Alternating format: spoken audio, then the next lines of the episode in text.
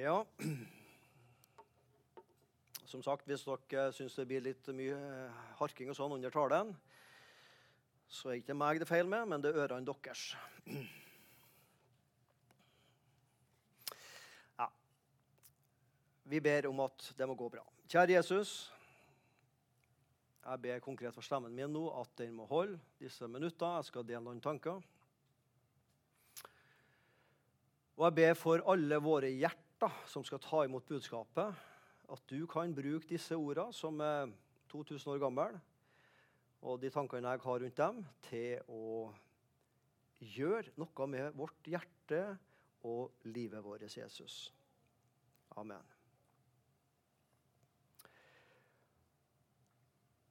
Det kom mange mennesker til Jesus med ulike spørsmål som de opplevde aktuelle i sine liv. Og Stort sett så gjaldt det sånn dennesidige utfordringer, helse, av og til familiefeider, hva slags skikker man burde følge, ulike spørsmål om rett og galt. Og Jesus tok enkeltmennesker sine spørsmål og hverdagsutfordringer på største alvor. Han sa aldri 'du stiller feil spørsmål'. Nei, han møtte mennesket der mennesket var, og hjalp dem i deres hverdagsutfordringer. Men så, endelig en dag, så kommer det mann, en mann som ser litt lenger enn nesetippen sin og hverdagens trivialiteter. Han grubler på evigheten. Hvordan får man del i det evige livet hos Gud? Yes!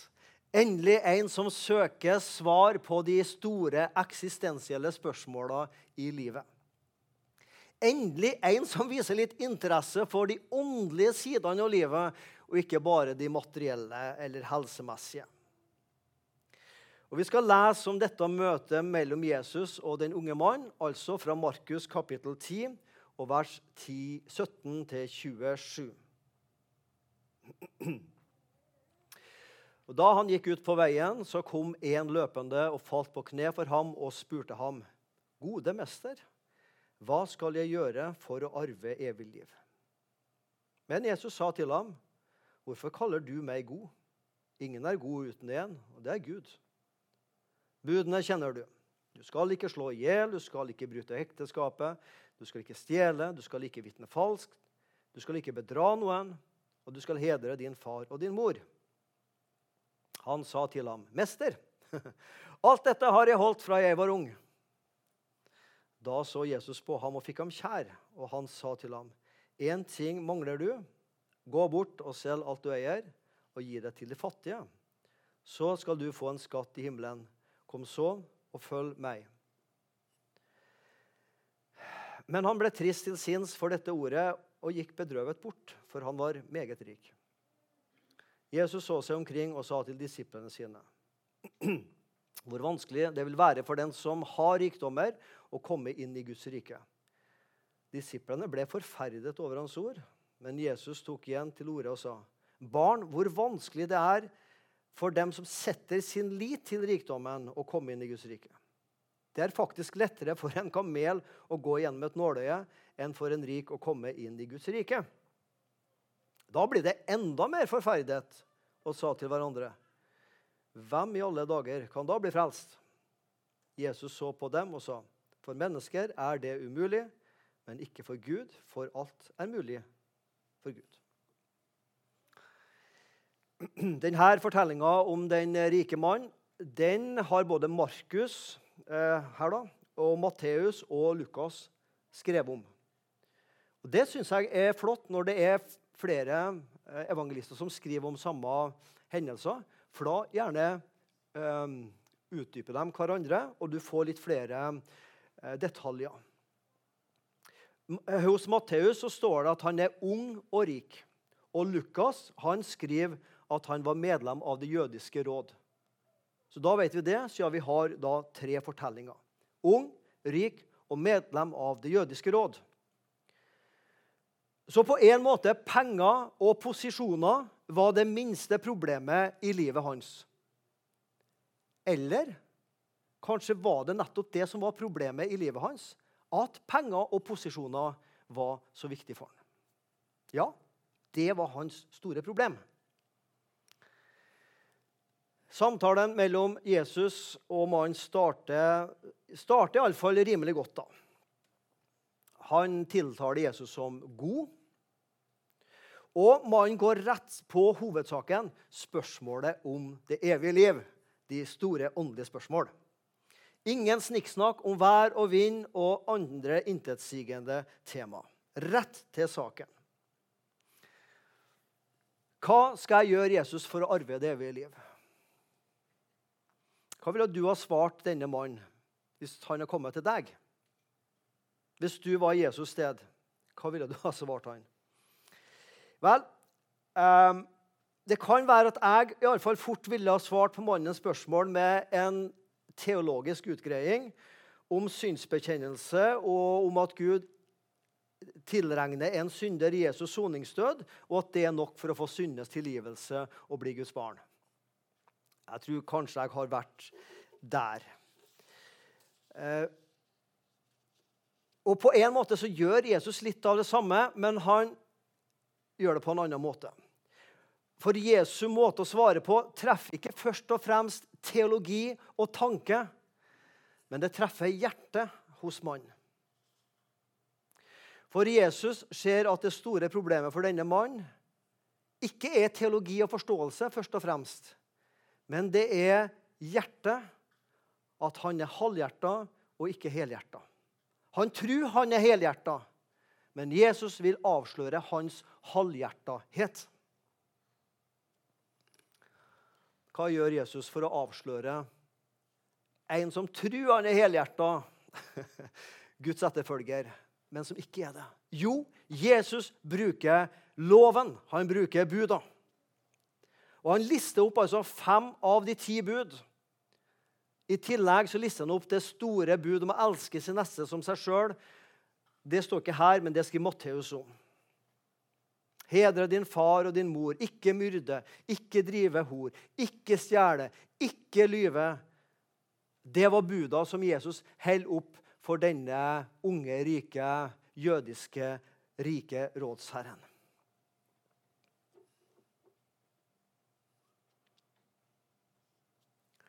Hvem kan virkelig stå foran han som til og med kjenner hjertets innerste holdninger, og si at man har holdt alle disse buda hele livet?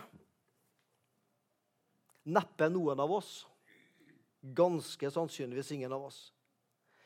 Men altså, den unge rike mann viser en frimodighet eller en freidighet som overgår det meste jeg har lest i Bibelen. Alt dette har jeg holdt fra jeg var ung av utbrytende stolt og kanskje med et ganske så sjølfornøyd smil rundt munnen. En ung, rik mann, medlem av jødenes råd, klok og helt sikkert godt likt av andre.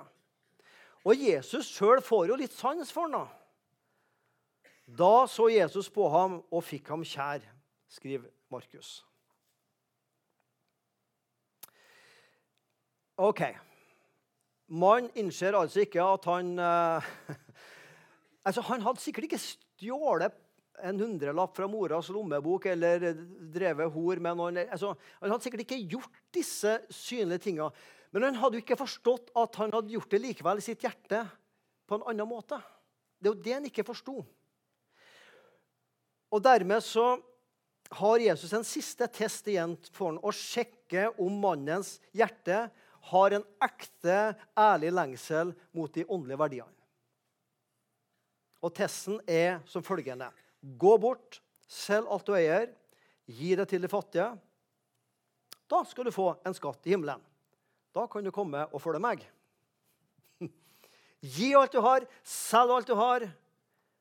Ikke for å beholde deg sjøl, men for å gi det til de fattige. Da skal du få plass i himmelen. Da kan du komme og følge meg. Den var litt verre å komme til rette med å gi fra seg alt en eier, Ja, Det er lett å gi fra seg noe gammelt i gjenbruken. Da går det jo til en god sak. og ikke sant? Men det å selge det til og gi liksom, til andre mennesker og ikke ha igjen noe sjøl Jeg spør meg sjøl, og jeg tror du er enig med meg, er ikke Jesus ganske urimelig her? Er ikke Jesus litt for urimelig når han ber denne som vil følge seg, å selge og gi bort alt? Vel, mesteren krever ikke Jesus for mye. Men Jesus er ikke i utgangspunktet ute etter mannens penger i seg sjøl. Men Jesus er der for å avsløre mannens halvhjertahet, og at han ikke har et helt hjerte for Guds rike.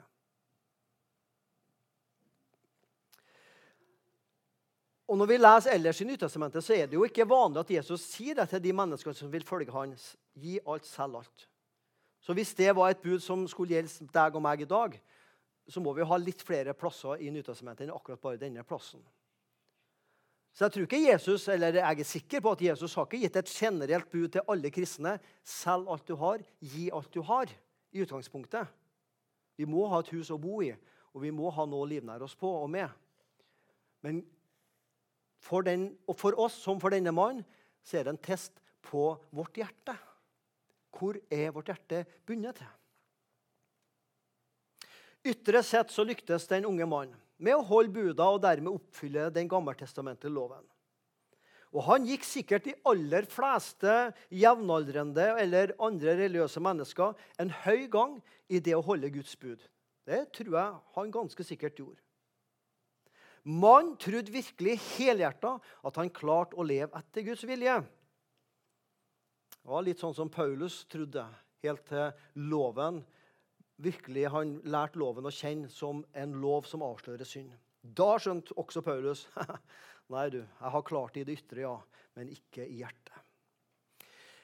Det er på en måte at Jesus han legger altså lista så høyt for mannen at det er helt umulig å komme over. Gradvis eller plutselig går sannheten opp for han at han egentlig ikke har et hjerte At han egentlig har et hjerte som elsker penger og eiendeler høyere enn Guds krav om helhjertet etterfølgelse. Det er liksom I brøkdelen av et sekund så går dette opp for mannen. Oi, denne ble for radikal. Dette klarer ikke jeg. Jeg følger vel ikke Gud helhjerta likevel. Og Det står at han går bort, og han går bedrøva bort. Og Tilbake så står Jesus også bedrøva over et menneske som går bort fra Gud. Kanskje tapt for alltid. Kunne ikke Jesus sagt «Ei, vent nå litt. Kom tilbake. Vi tar en prat her. Sett oss ned på stolen, og så skal jeg forklare litt av det her med Guds rettferdighet og loven og sånn for deg, så skal vi nok ordne det. Så Jesus gjorde ikke det her. Han lot mannen gå bedrøva bort, og Jesus står bedrøva tilbake. Og Jeg kan formelig se for meg Jesus på en måte snur seg mot disiplene med tårer i øynene. Så sier han, 'Barn, hvor vanskelig det er for dem som setter sin lit til sin rikdom, å komme inn i Guds rike.' Det er faktisk lettere for en kamel å gå gjennom et nåløye enn for en rik å komme inn i Guds rike.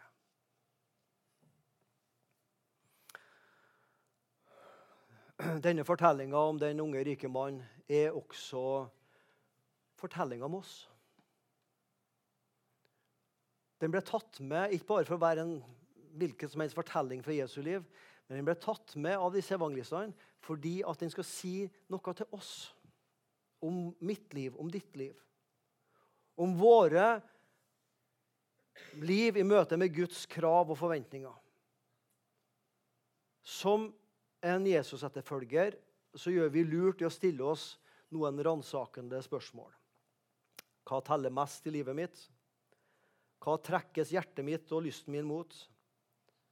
Er det penger, personer, posisjoner, popularitet, prestisje? Eller ligger dette med Jesus og Guds rike fremst i mine tanker og prioriteringer? Guds bud, hans krav og lov avslører hva som egentlig bor i hjertet mitt.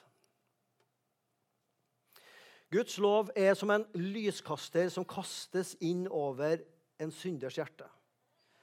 Og egoismen, om du vil innrømme det eller ikke Vel, vi må bare innrømme det alle sammen. Det ligger i vårt DNA, egoismen. I vårt hjerte har Gud en utro venn. Ikke bare en tro venn, men også en utro venn. Som ofte kaster sine øyne mot penger og denne verdens goder. Et hjerte som setter sin lit til rikdom og setter tilværelsen på denne siden av døden foran det evige livet sammen med Gud i himmelen. Ikke hele tida, men jeg er klar over at det også bor i mitt hjerte. Ja, det bor en lengsel i mitt hjerte til Jesus og Guds rike og misjon og åndens fylde. Ja, det gjør det. Og det er ikke noe å skryte over det, for det er jo født i meg. Det er jo det nye livet som er født, som ikke jeg har gjort noe for. Men jeg må også innrømme det bor også en annen vilje i meg. Etter at Jesus hadde holdt denne utfordrende minitalen om å være rik på penger, eh, eller rik på et liv med Gud, så kommer disiplene med et ganske høylytt og tydelig sukk. I alle dager, Jesus, hvem kan da bli frelst? For de kjente nok også godt sitt eget egoistiske hjerte. De skjønte at det var det å komme inn i Guds rike det var, måtte jo nærmest være en umulig oppgave. Ja, Jesus sier at det er faktisk enklere, enklere å få en bil gjennom nøkkelhullet i døra der enn for oss rike nordmenn å komme inn i Guds rike. Sagt med dagens språk. Umulig. Den unge, rike jødiske rådsmannen starter samtalen med Jesus så godt. Han bøyde seg for Jesus. Han kalte Jesus både god og mester. Og mannen søkte å løse livets åndelige problemstillinger. Selve spørsmålet han stilte til Jesus, er jo ganske interessant. Du, Jesus, hva skal jeg gjøre for å arve evig liv? Hva skal jeg gjøre for å arve evig liv? Og egentlig i det spørsmålet så er det en sjølmotsigelse. Han spør altså om hva han skal gjøre for å arve. Og du trenger altså ikke gjøre noe som helst for å arve. Jeg er barn av mine foreldre, og da min siste forelder døde, så trang ikke jeg å gjøre noe for å arve dem. For jeg er arving fordi jeg er barn. Hva skal jeg gjøre for å arve? Nei, du skal ikke gjøre noe. Du skal være noe. Du skal være barn av dine foreldre. Du skal være barn av Gud i himmelen. Da arver vi. Det handler ikke om å gjøre, men det handler om å være. Og Derfor handler dette spørsmålet og denne fortellinga dypest sett om å innse at jeg har ingen mulighet til å frelse meg sjøl. For mennesker er det umulig, sa Jesus. Men han fortsatt heldigvis, men ikke for Gud. For alt er mulig for Gud.